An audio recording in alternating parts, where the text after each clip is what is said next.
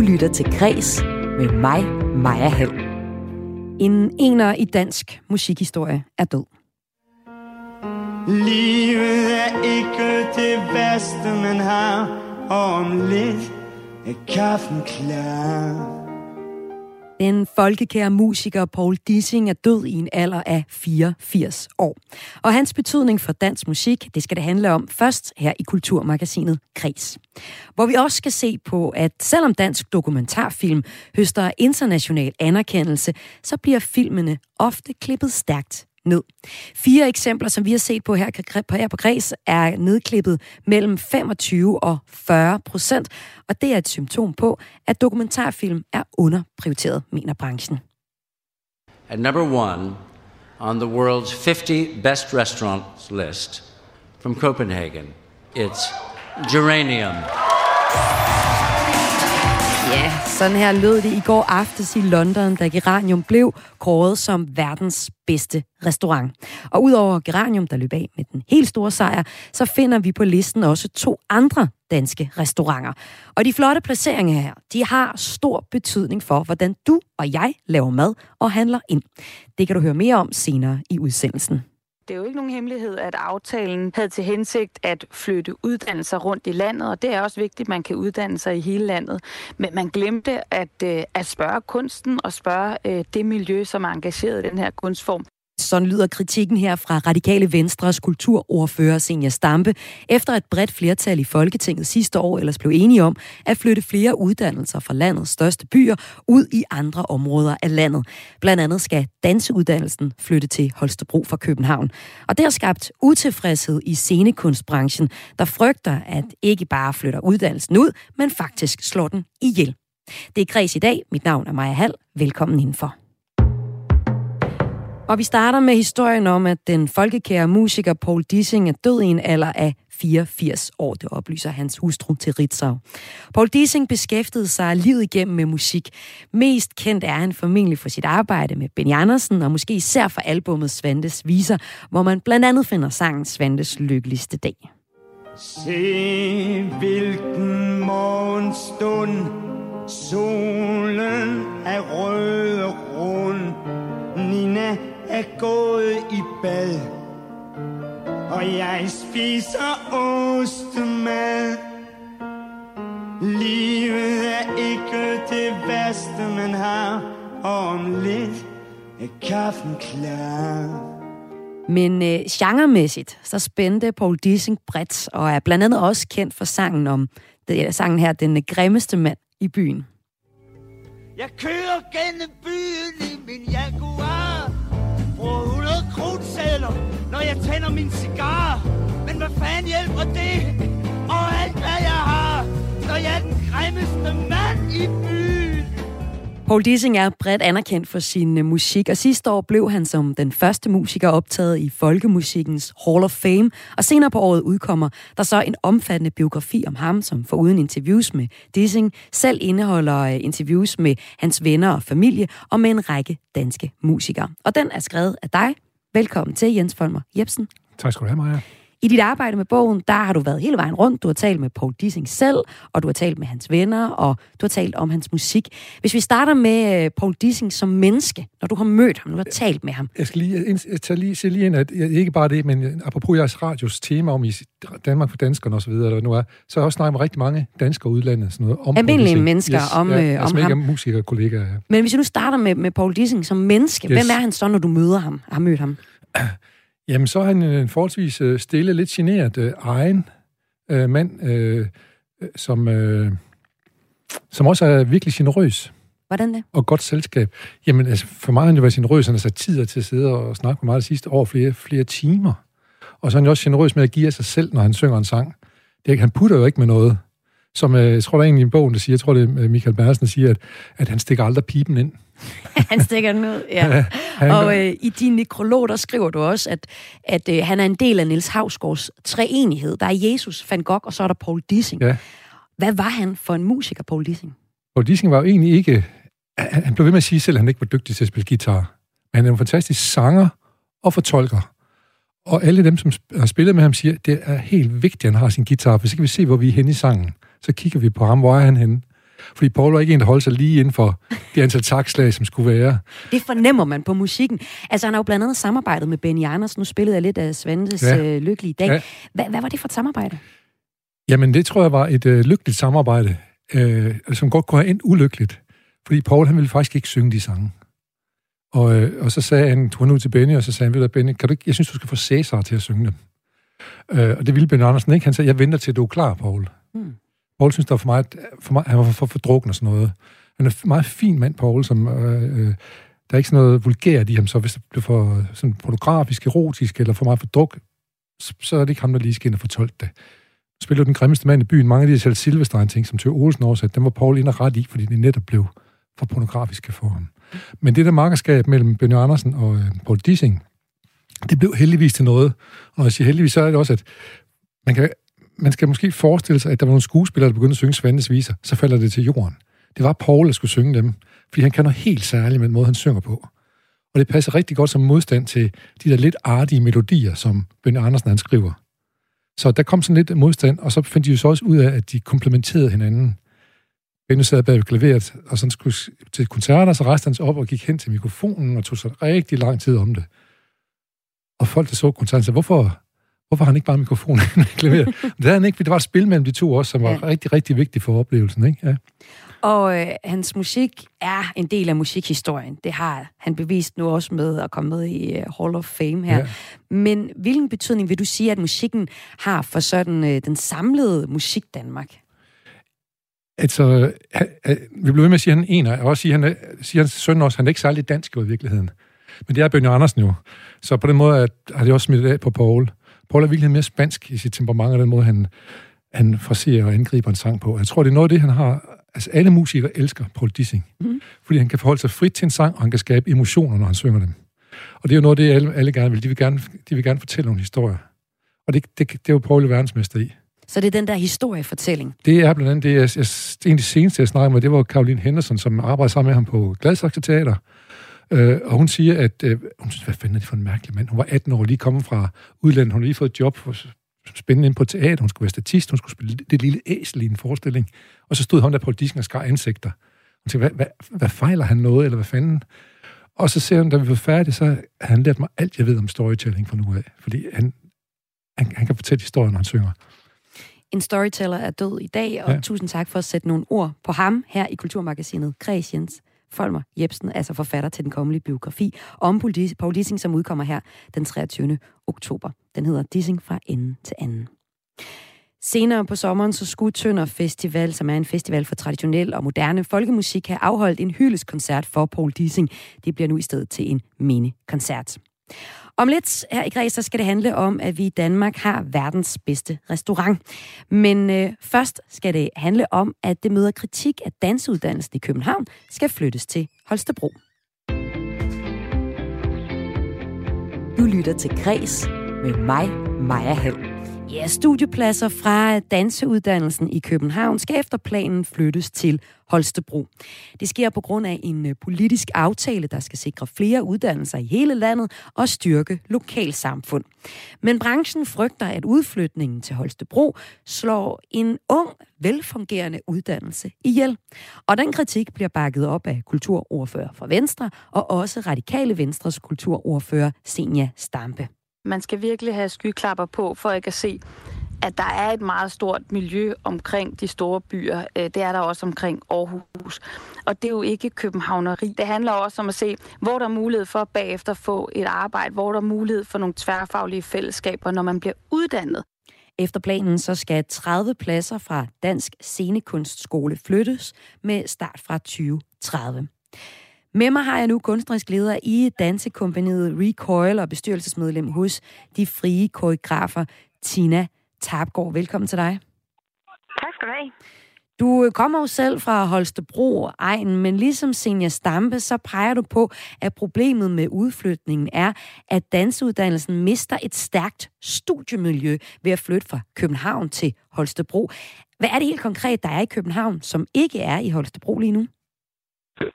Altså det, som øh, man har gjort over de sidste 20 år, og som man har haft en vision for med dansen, det var jo netop at placere dansen på Holmen i København, hvor der er adskillige øh, øh, dan, altså uddannelser inden for både scenekunsten, jo også arkitektur og film. Øh, man kunne godt se, at dansen jo, som er en relativt ung for, øh, kunstform i, øh, i Danmark, havde et behov for at forbinde sig til øh, de forskellige andre fagligheder.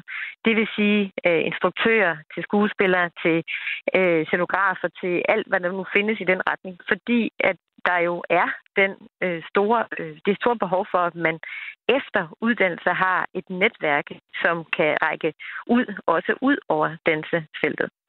Øh, så det har været visionen. Man placerede dansen der. Det gjorde man meget øh, meget, øh, meget bevidst, og øh, Kulturministeriet har også selv udgivet en rapport, øh, som lige præcis peger på, at vi har stort behov, ikke kun for dansens skyld, men for scenekunstens udviklings skyld, at dyrke de her samspil mellem de forskellige fagligheder. Ja, du siger samspil mellem, spil mellem forskellige fagligheder, men der er jo også allerede et dansemiljø i Holstebro. Der er en balletskole, et talentakademi, hvor man også kan danse, og Holstebro Dansekompani under Holstebro Teater hører også til i byen. Så det lyder jo egentlig på papiret, som om dansuddannelsen vil passe udmærket ind. Der er jo faktisk også øh, møde nogen, der arbejder med dansen på forskellige områder. Så, så hvad er det, der mangler? Øh, jeg er fuldstændig helt sikker på, at man kan lave en god ny uddannelse i Holstebro, og det er også det, vi bakker op om meget bredt i feltet. Men det bliver en ny uddannelse. Øh, det, som jeg ser som det store, store problem ved, at man så samtidig lukker helt ned i København, det er, at man kommer til at isolere dansen langt mere ved netop at ligge det et sted, hvor der ikke er for eksempel en uddannelse for instruktører, øh, som jo er de unge kunstnere, som i fremtiden måske bliver teaterdirektører. Hvis man kigger rundt i teatermiljøet, så vil man jo opleve, at der er jo sket et skifte med de mennesker, som er blevet uddannet. Øh, de kommer selvfølgelig fra forskellige steder, men de, der er blevet uddannet på Scenekunstskolen på Holmen, de har jo fået et bredere indsigt i og er vokset op med, at dansen også er en æstetisk form som scenekunst. Og det har ikke altid været givet.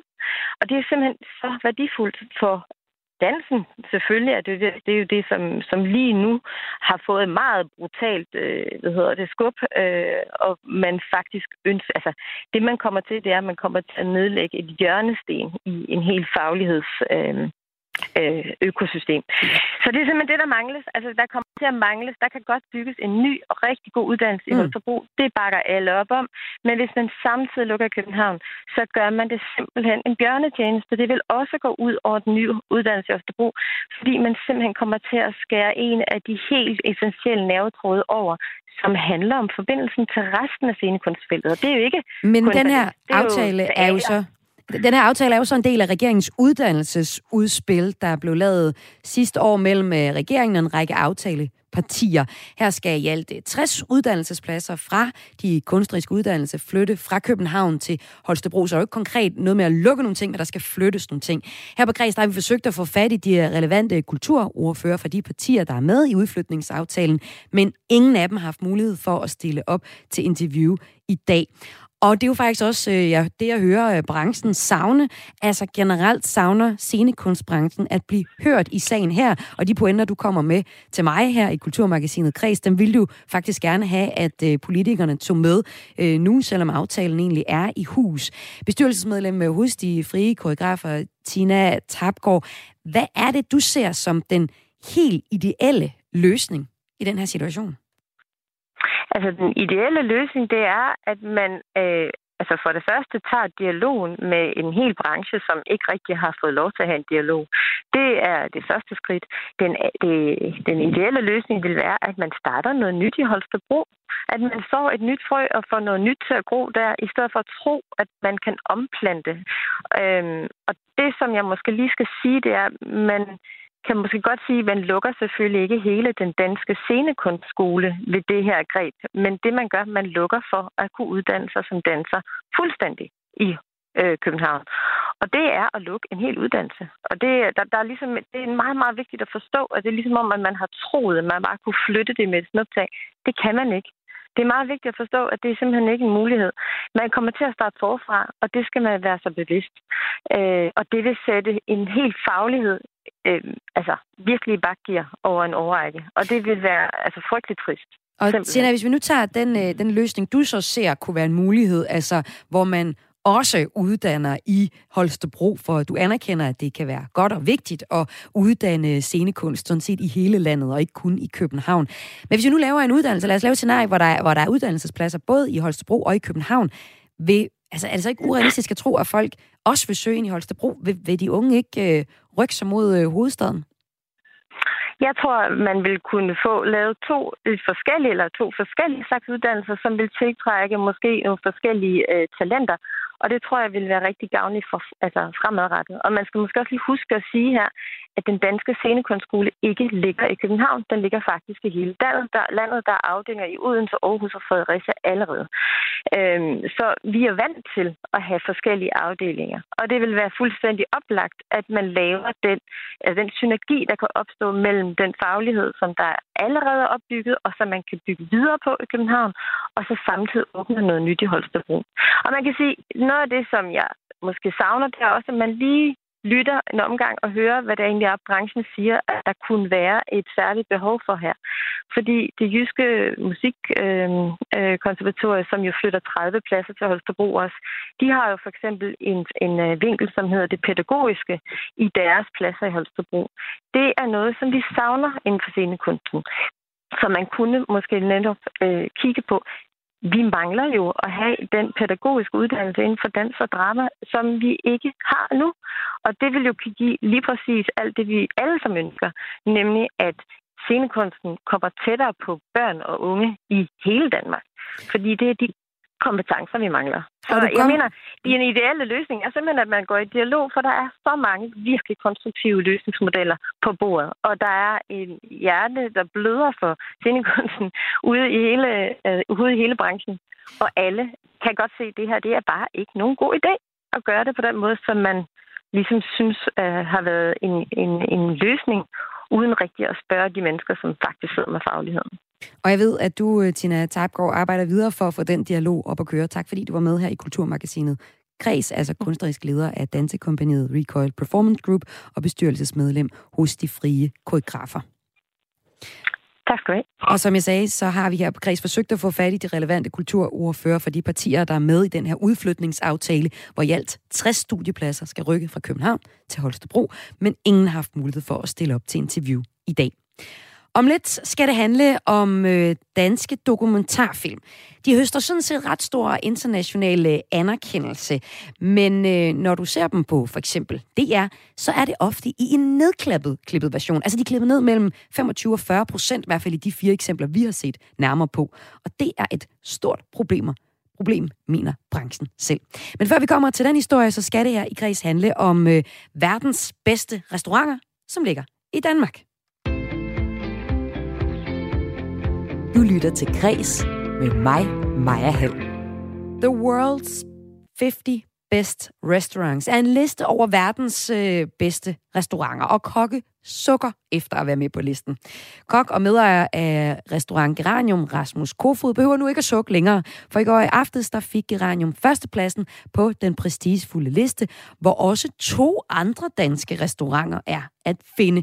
Det går rimelig godt i den danske restaurantbranche, når det kommer til at øh, få international anerkendelse, må man sige. Og med mig har jeg nu øh, gastronomiredaktør og restaurantanmelder på børsen, Ole, øh, undskyld, Ole Troelsøl. Velkommen til. Tak. Hvad betyder det for Danmark, at vi har fået øh, så mange verdensanerkendte restauranter, som vi har nu? Det betyder, at Danmark gik øh, fra at være fuldstændig uinteressant for omverdenen rent madmæssigt til at blive et, et land, man regner med. Og det jeg siger, at vi gik, så var det selvfølgelig dengang Noma begyndte at klatre op af den her liste. Ja, Noma har ligget nummer et øh. flere gange. Man kan ikke blive ved med at ligge nummer et længere ja. på listen. Men de har ligesom bevist, de kan også ligge i toppen. Vi har også en hulens masse Michelin-stjerner, som er det andet, den anden måde, man kan, man kan vise, hvor god man er til hele verden.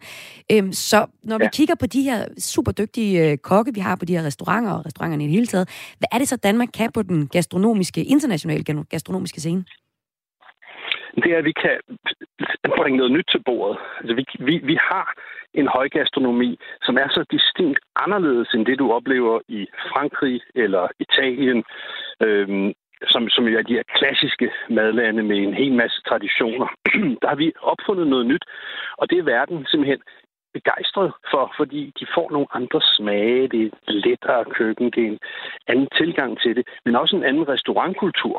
Det skal man ikke glemme. Det en ting er, at maden er fantastisk, men der er også det, at man serverer den her mad på en anden måde, så der er en anden stemning i, i restauranterne, end, end man er vant til i den, Hvad er det for en anden stemning? klassiske verden.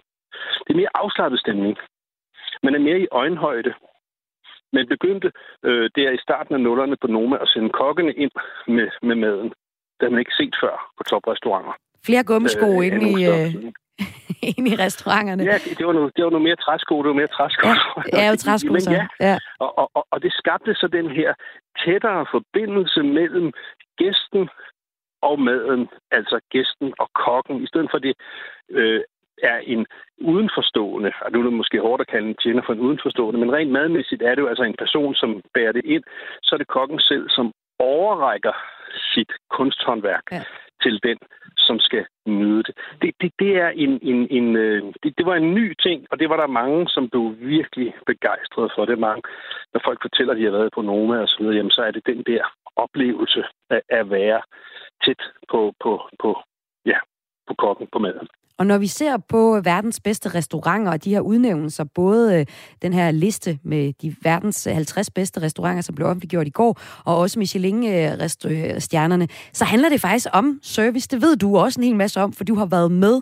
til, og øh, du har siddet i panel, der bedømmer restauranterne i en årrække, altså i, det her, øh, i den her, til den her liste, som bygger på stemmer fra et panel på øh, 1080 øh, kulinariske kendere, som, som tæller for eksempel kokke, der du selv ja, været øh, ja. helt ung, og også madanmelder, som du, øh, som du er nu.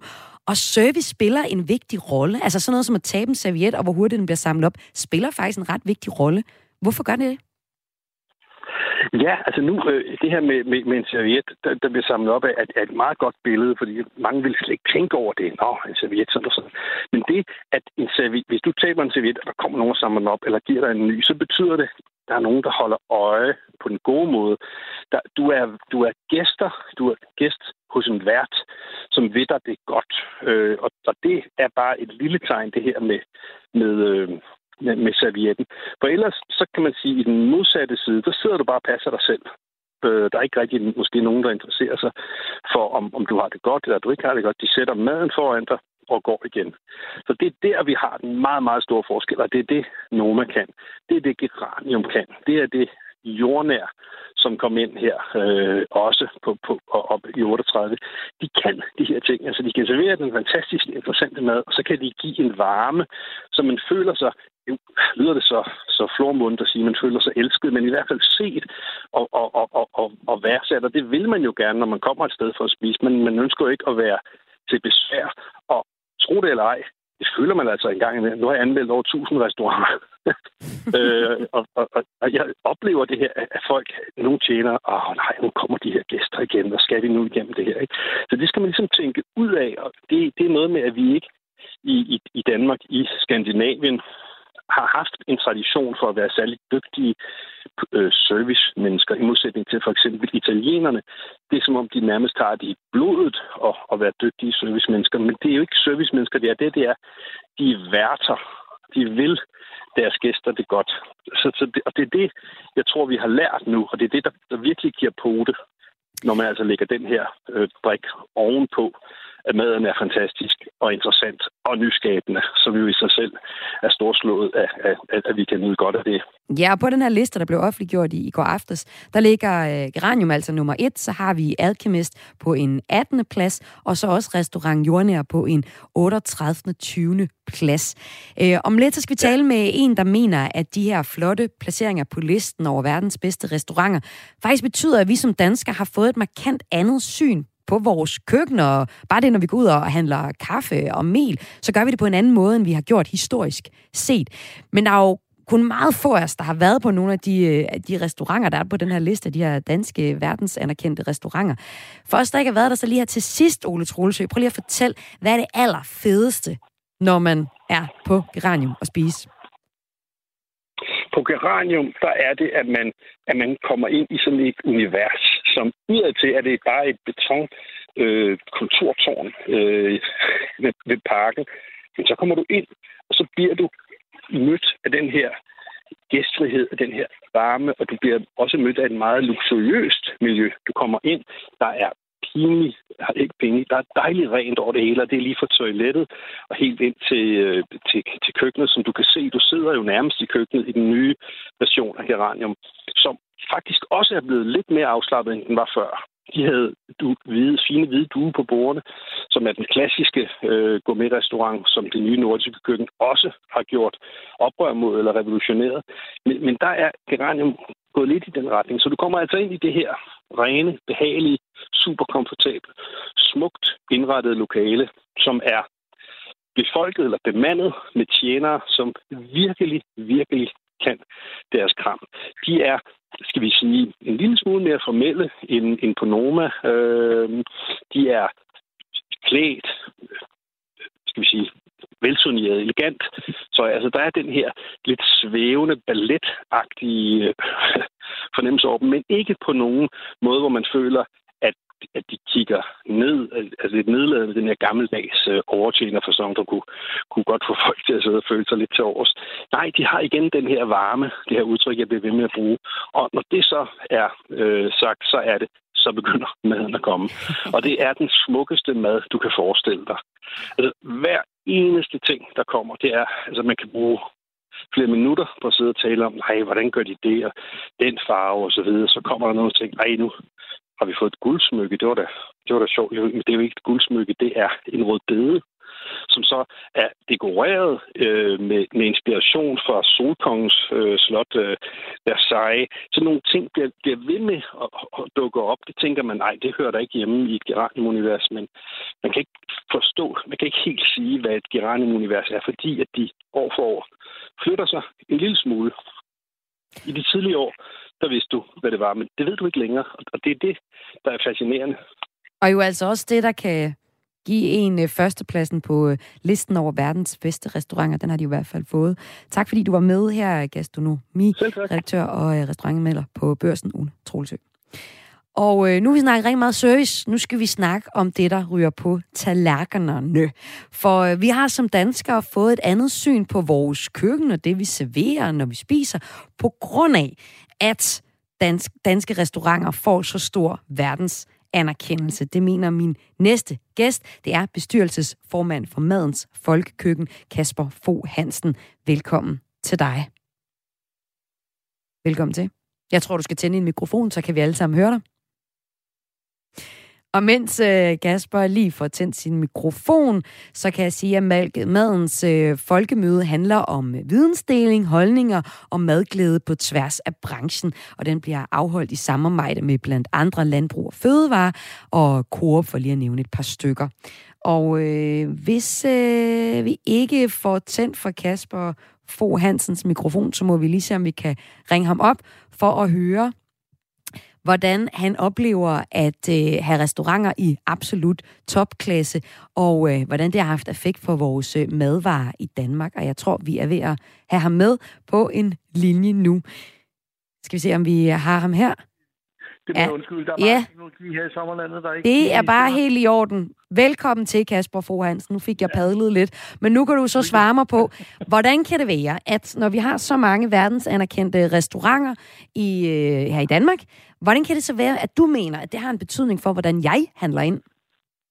Nå, men altså, jeg tror, hvis der er en ting, altså hvis der er en kulturel hvis der er et, altså et kulturelt område, der virkelig har ændret sig de sidste 20 år i Danmark, så er det, hvad vi spiser.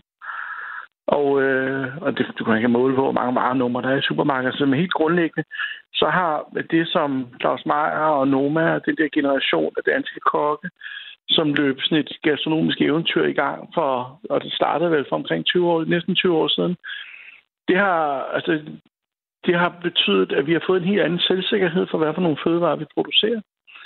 Og det har betydet, at danskerne køber nogle andre ting. Du kommer ned i supermarkedet, så ligger der rapsløg, der ligger spil, der ligger svedige ro. Øh, du ved, altså det der med, altså at kornsorter ikke bare er hvedemel, og at det kan komme forskellige steder fra, og at de ting, som vi laver her i landet, også er noget, vi tør stole på, kan være en kvalitet, der gør, at man kan sige, at det her det er fremragende mad, og det er fremragende smagsoplevelser, og det er store fødevare. Det tror jeg ikke var kommet, hvis ikke vi havde fået den anerkendelse også udefra af, at, øh, selvfølgelig kan vores natur også levere øh, storslåede fødevarer og storslåede smagsoplevelser. Men, men prøv lige at forklare helt konkret, hvordan er det, at, at der er nogle øh, restauranter, der får øh, verdens anerkendelse, og så ændrer det på, øh, hvordan jeg handler ind? Altså, du siger, at vi er blevet mere stolte af vores råvarer, eller hvordan? Ja, det tror jeg på den ene side. Altså, mekanismen er jo sådan set meget simpel. Det, det er jo en dansk musiker for anerkendelse ude i verden, så begynder danskerne at lytte på vedkommende.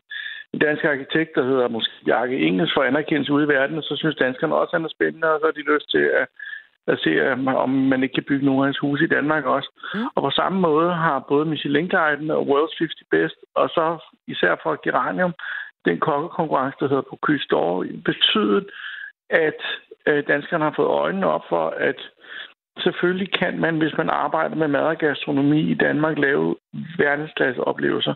Og vores fødevarer kan være i verdensklasse. Øh, betyder ikke, at de var det, eller er det altid. Det betyder, at de kan være det. Og det har skabt sådan en ny selvsikkerhed for folk, der arbejder med mad i vores del af verden. Vi ser sådan en virksomhed som Arla, der har startet et program, der hedder Uliga, som handler om at lave fløde og smør og oste i meget høj kvalitet. Også en virksomhed som Danish Crown, der altså var defineret af at handle med grisebatter i meget store mængder, øh, vil også gerne forsøge på at sige, at vi kan også lave et kvalitetsprodukt med, med afsæt i vores verden. Og så øh, den store underskov, der er af nye fødevarevirksomheder, øh, som, som jo gør, at når du går ind i et dansk supermarked i dag, så ser det helt anderledes ud, end det gjorde, da jeg var barn. Jeg ser, jeg er 45 år gammel, og da jeg var barn, der var der, jeg tror, der var to eller tre slags kaffe og en eller to slags mel, og nu er det bare noget helt andet. Øh, så på den måde kan man sige, at, at den der gastronomiske revolution, som der er startet med, med, noget, med nogle fine gokker og nogle dyre restauranter, har ændret på, hvad vi egentlig tror, der kan lade sig gøre, og hvad vi også spiser.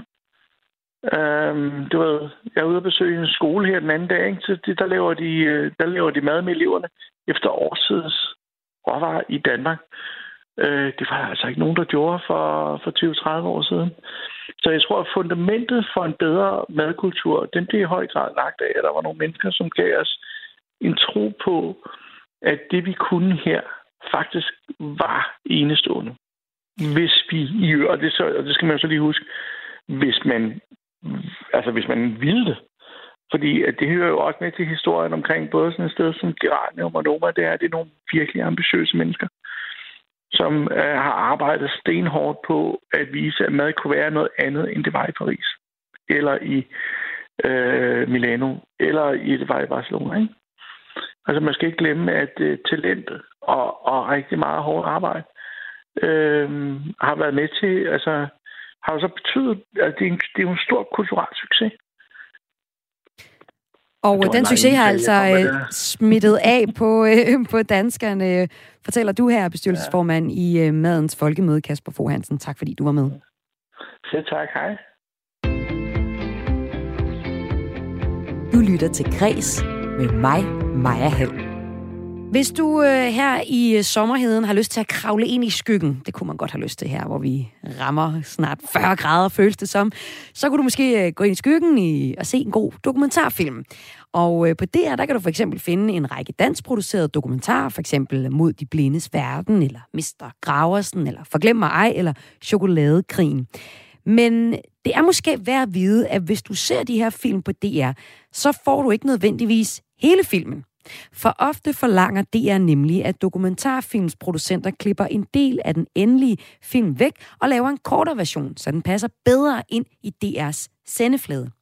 I fire eksempler, som jeg nævnte her indledningsvis, er der klippet mellem 25 og 40 procent af filmen væk i den version, der vises på DR. Og det er et problem, det mener mine næste to gæster. Jeg kan sige velkommen til lyddesigner Peter Albrechtsen, og så kan jeg også byde velkommen til uh, filminstruktør Sebastian Kortes. Velkommen til jer begge to. Tak for det. Tak. I er der, det er godt. I har diskuteret sagen her på det sociale medie Twitter, hvor I blandt andet skriver, at det er respektløst og overvejer at lave et offentligt opråb om det her. Lad mig starte med dig, Peter Albrechtsen. Hvad mener du med, at det er respektløst?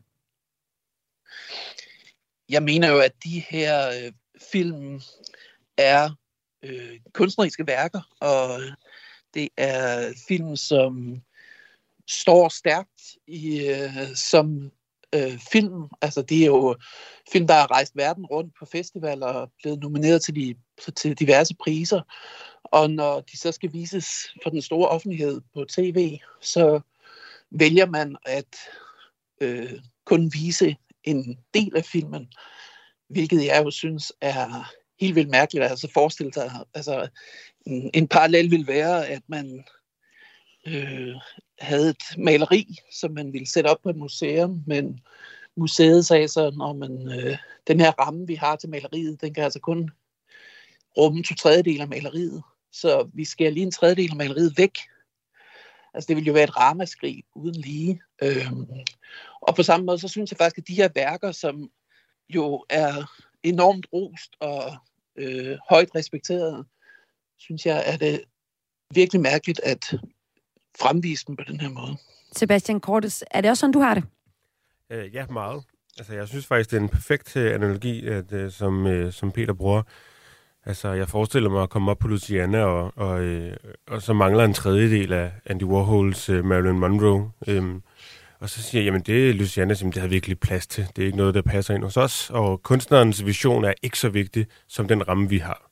Og det er sådan, øh, man føler i hvert fald som, som instruktør og som, øh, som filmskaber. Øh, man kan også sige, det er jo, der er jo rigtig, rigtig, rigtig mange menneskers arbejde i det her. Øh, Peter har ret i, at det er jo øh, kunstværker, men det er også helt vildt respektløst for mange mennesker, der har brugt sindssygt mange år på at lave noget.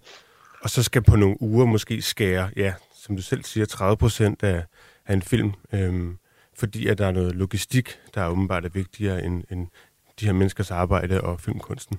Ja, de her fire eksempler, som vi har set på her i Kulturmagasinet Kreds, øh, det er jo så på DR. Jeg skal for en øh, god ordens skyld sige, at vi selvfølgelig har været i kontakt med DR og har fremlagt kritikken for dem, men fordi det er sommerferie, så har de ikke haft mulighed for at kommentere. Vi giver dem så en chance igen til august. Et af de eksempler, som jeg nævnte indledningsvis, det er dokumentarfilmen Forglem mig ej. Dokumentaren øh, følger en øh, gruppe kvinder på et øh, sted for ugifte gravide kvinder i Sydkorea og giver sig et indblik i en situation, de står i, hvor bortadoption ofte er den eneste mulighed. Jeg tager det her eksempel frem, fordi vi lige skal prøve at se på, hvor meget det er blevet klippet i. Den her dokumentarfilm, den er blevet nomineret til både en, en Robert og en Bodil-pris.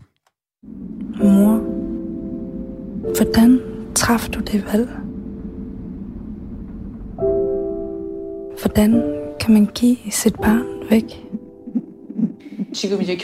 Ja, den øh, koreansk adopterede instruktør Sun Hee Engeltoft sætter i den her film rammen og deler også sin personlige historie. Og gennem mødet med nogle af de øh, mødre på stedet, så prøver hun at forstå, hvorfor hun selv blev bortadopteret for 36 år siden. Kan man give sit barn væk i kærlighed? Jeg prøver at forstå dig. Det gør jeg virkelig. Peter Albrechtsen, du har været lyddesigner på den her dokumentar, og den version, der ligger på DR's hjemmeside, er reduceret med helt præcist, eller hmm, ikke helt præcist, men med cirka 40 procent i forhold til filmens originale længde. Hvad gør det i dine øjne ved filmen? Altså, Forglem mig er en film, som, øh, altså, når man oplever den i biografen, hvilket jeg har gjort et par gange, så er det simpelthen den enormt stærkt oplevelse, hvor folk sidder helt altså, i dybt rørte og med tilbageholdt åndedræt.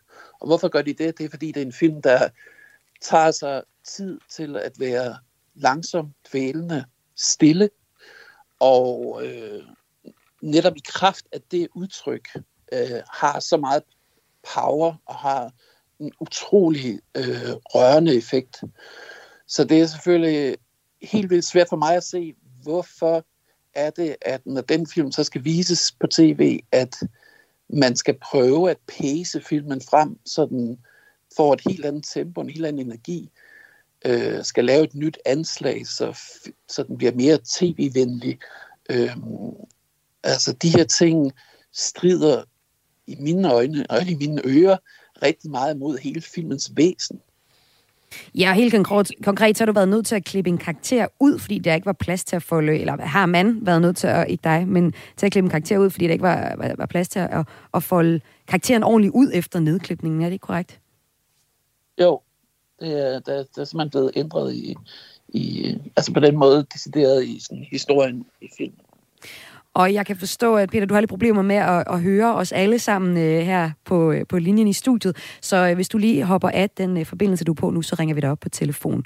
Og imens vi gør det, øh, så kan jeg jo lige tale videre med dig, øh, Sebastian Kortes. Du er dokumentarfilminstruktør, har blandt andet instrueret filmen The Life and Time of Don Rosa og A Place Called Lloyd. Hvad vil du sige til, hvis du blev bedt om at nedklippe en af dine dokumentarfilm for at få den sendt på, øh, på en tv-kanal? Altså, jeg vil nægte at gøre det. Eller det, det har jeg også gjort før. Du har nægtet det? Ja, det kunne jeg, jeg kunne ikke finde på at, øh, at, at, at nedklippe noget, og det, det er ud af respekt, ikke kun for min egen kunstneriske vision, men også for alle dem, der arbejder på, på filmen. Det vil jeg simpelthen ikke byde dem. Øhm, altså, det, jeg ved ikke, kunne vi finde på at klippe Frank ud af, af kloven? Øh, kunne vi finde på at vise Star Wars på, på fjernsynet til kun, sådan, kun er 58 minutter? Selvfølgelig kunne man ikke det, fordi man jo forstår godt, at det skal have den plads, som der er, det er tiltænkt. Øh, og jeg tror, det er det der, der er problemet, det er, at dokumentarfilm ses øh, som en eller anden form for journalistisk information. Altså, vi kan altid klippe klippe noget af det, det er ligesom det lidt langsomme ud, eller klippe det dvælende ud, og klippe det, det der mellemstykke ud. Men som Peter lige præcis siger, det er der, hvor det bliver rigtigt. Altså, jeg stod og fik øh, våde øjne og kuldegysninger her, bare at høre det klip. Og det er jo det, der, der, der skal jo Altså, film det var også bare et kort klip. Ja, og, ja. Det er også fordi, nu har jeg set filmen, ved, hvad det, hvad det handler om. Ja, men, undskyld, ja. men man kan sige, at, at det, er jo, det er jo det, film er lige så meget dokumentarfilm som fiktionsfilm, mm. er øh, stemninger og følelser. At det handler om, at, at vi skal betragte det som, at der er nogen bagved, der har vil formulere nogle følelser, måder at være på i verden. Og det, man så gør, det er, at man siger, jamen dokumentarfilmen, den skal vi behandle lidt, hvad er det, man siger, stidmoderligt. Og det kan vi på en eller anden måde gøre, hvad vi vil med. Mm. Fordi man kunne ikke Men... finde på at gøre det med, med, med Taxi Driver, eller altså, vise, vise en 58-minutters version af, af jagten.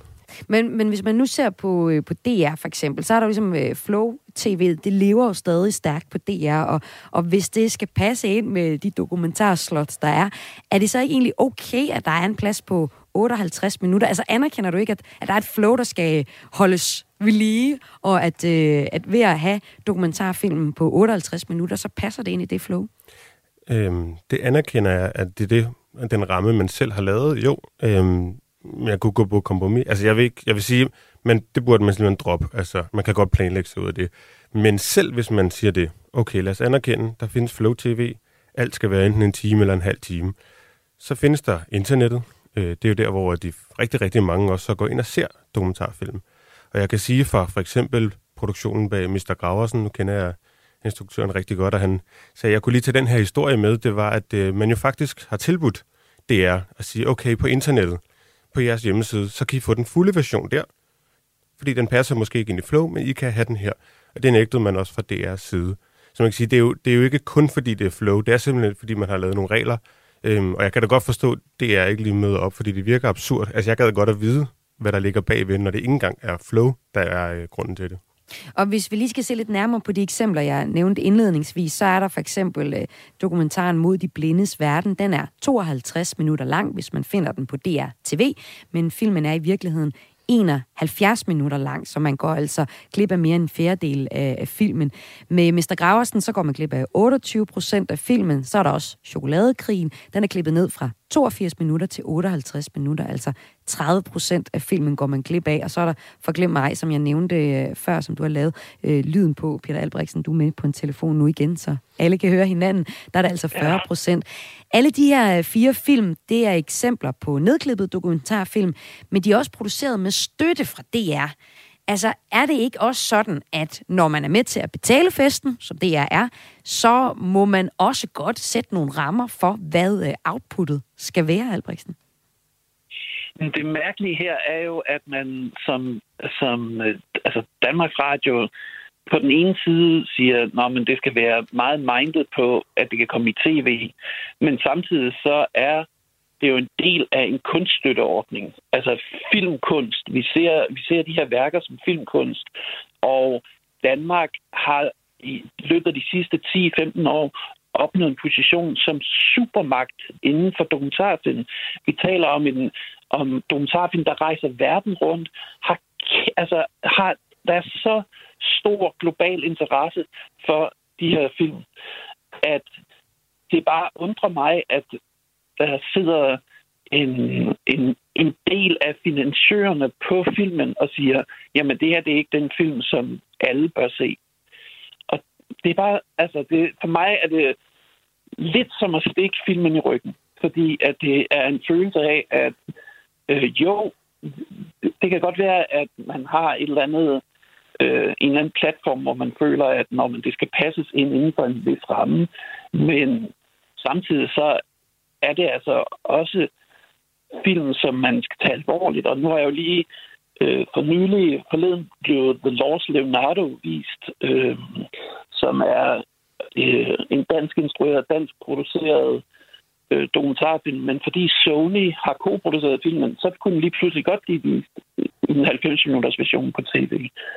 Altså, det er som om, at der er ikke noget, der er ikke noget logik bag det her. Det handler bare udelukkende om, når man, hvor har øh, Danmarks Radio nogle penge henne, øh, når man så kan vi godt lige bruge nogle penge på at, øh, at komprimere filmen. Hmm. Øh, og samtidig så er det sådan en underlig sådan en økonomisk disposition, fordi det jo også koster en masse penge at lave de der ekstraversioner, som er virkelig en penge, man kunne bruge på at sørge for, at filmen blev endnu bedre, hvis det skulle være. Og Sebastian Kortus, øh, som filminstruktør, så siger du så, at du ville nægte, hvis din øh, dokumentar skulle klippes ned, og har også nægtet dem. Jeg forstod ikke helt konkret, hvor, hvilken sammenhæng du havde nægtet det. Øh, nej, altså jeg har så jeg har ikke nægtet det direkte til DR. Det er ikke det, men jeg ville øh, helt klart øh, gøre det. Og er det den rigtige vej at gå? Er det løsningen på det? Altså at sige, niks, jeg piller ikke ved dokumentarfilmen? Altså, jeg kan ikke se, hvordan det skulle være anderledes. Øhm, jeg kan godt forstå, at man bliver tvunget til det.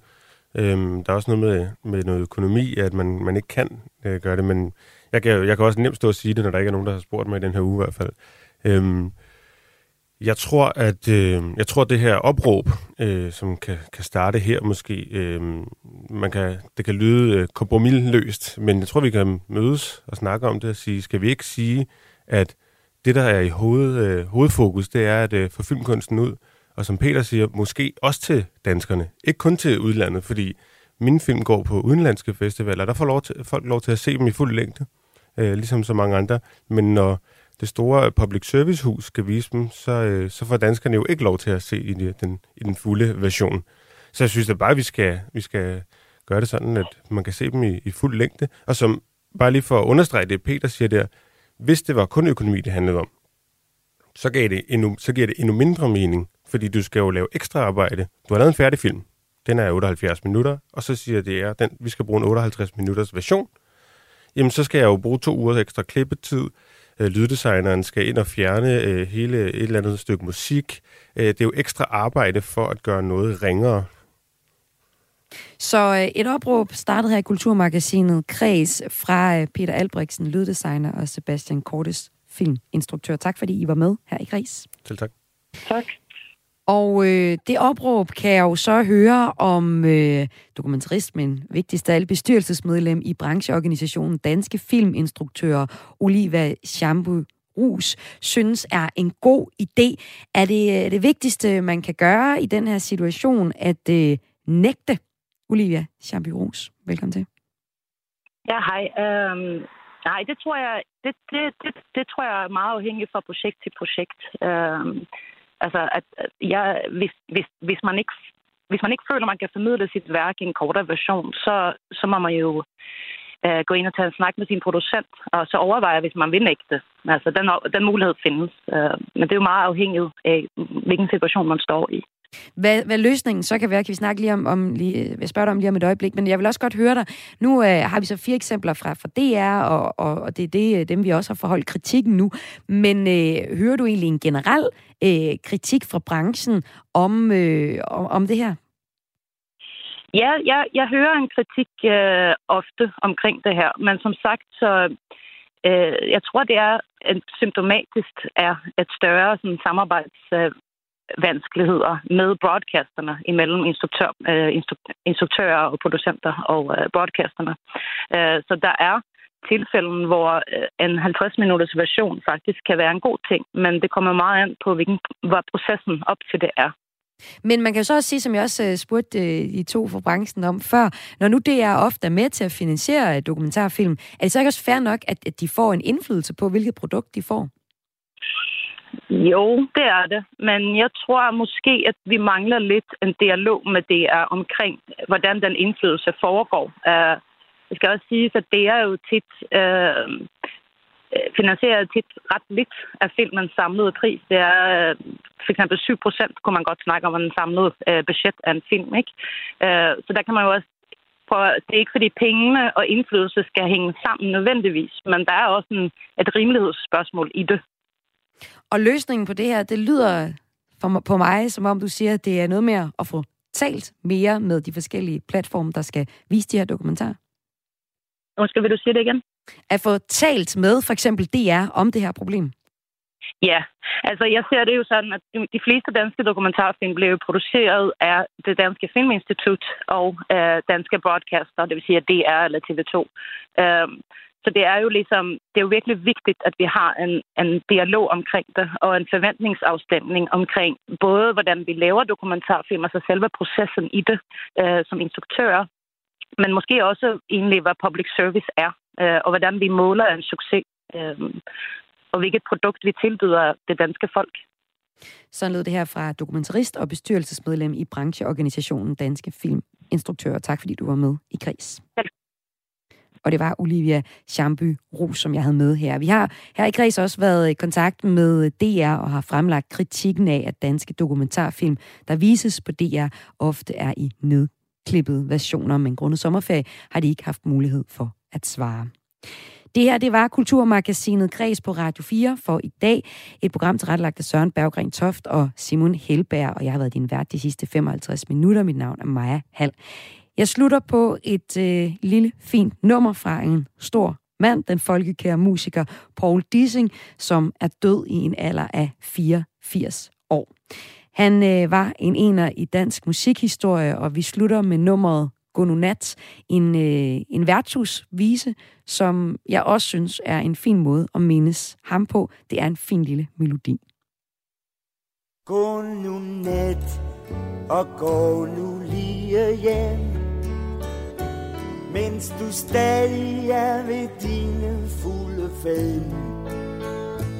Jeg ved godt, at på din vej lurer fristelser på dig, og du kan jo ikke sige nej. Gå nu net, og gå nu lige hjem. Hmm.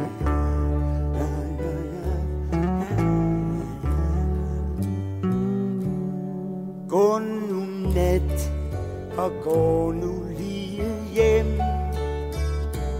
Eller skævt, når bare du når skal frem. Kig på månen, der er halv Som en knækket æggeskal Der har fået et eller andet knald. Gå nu nat og gå nu lige hjem. Ah.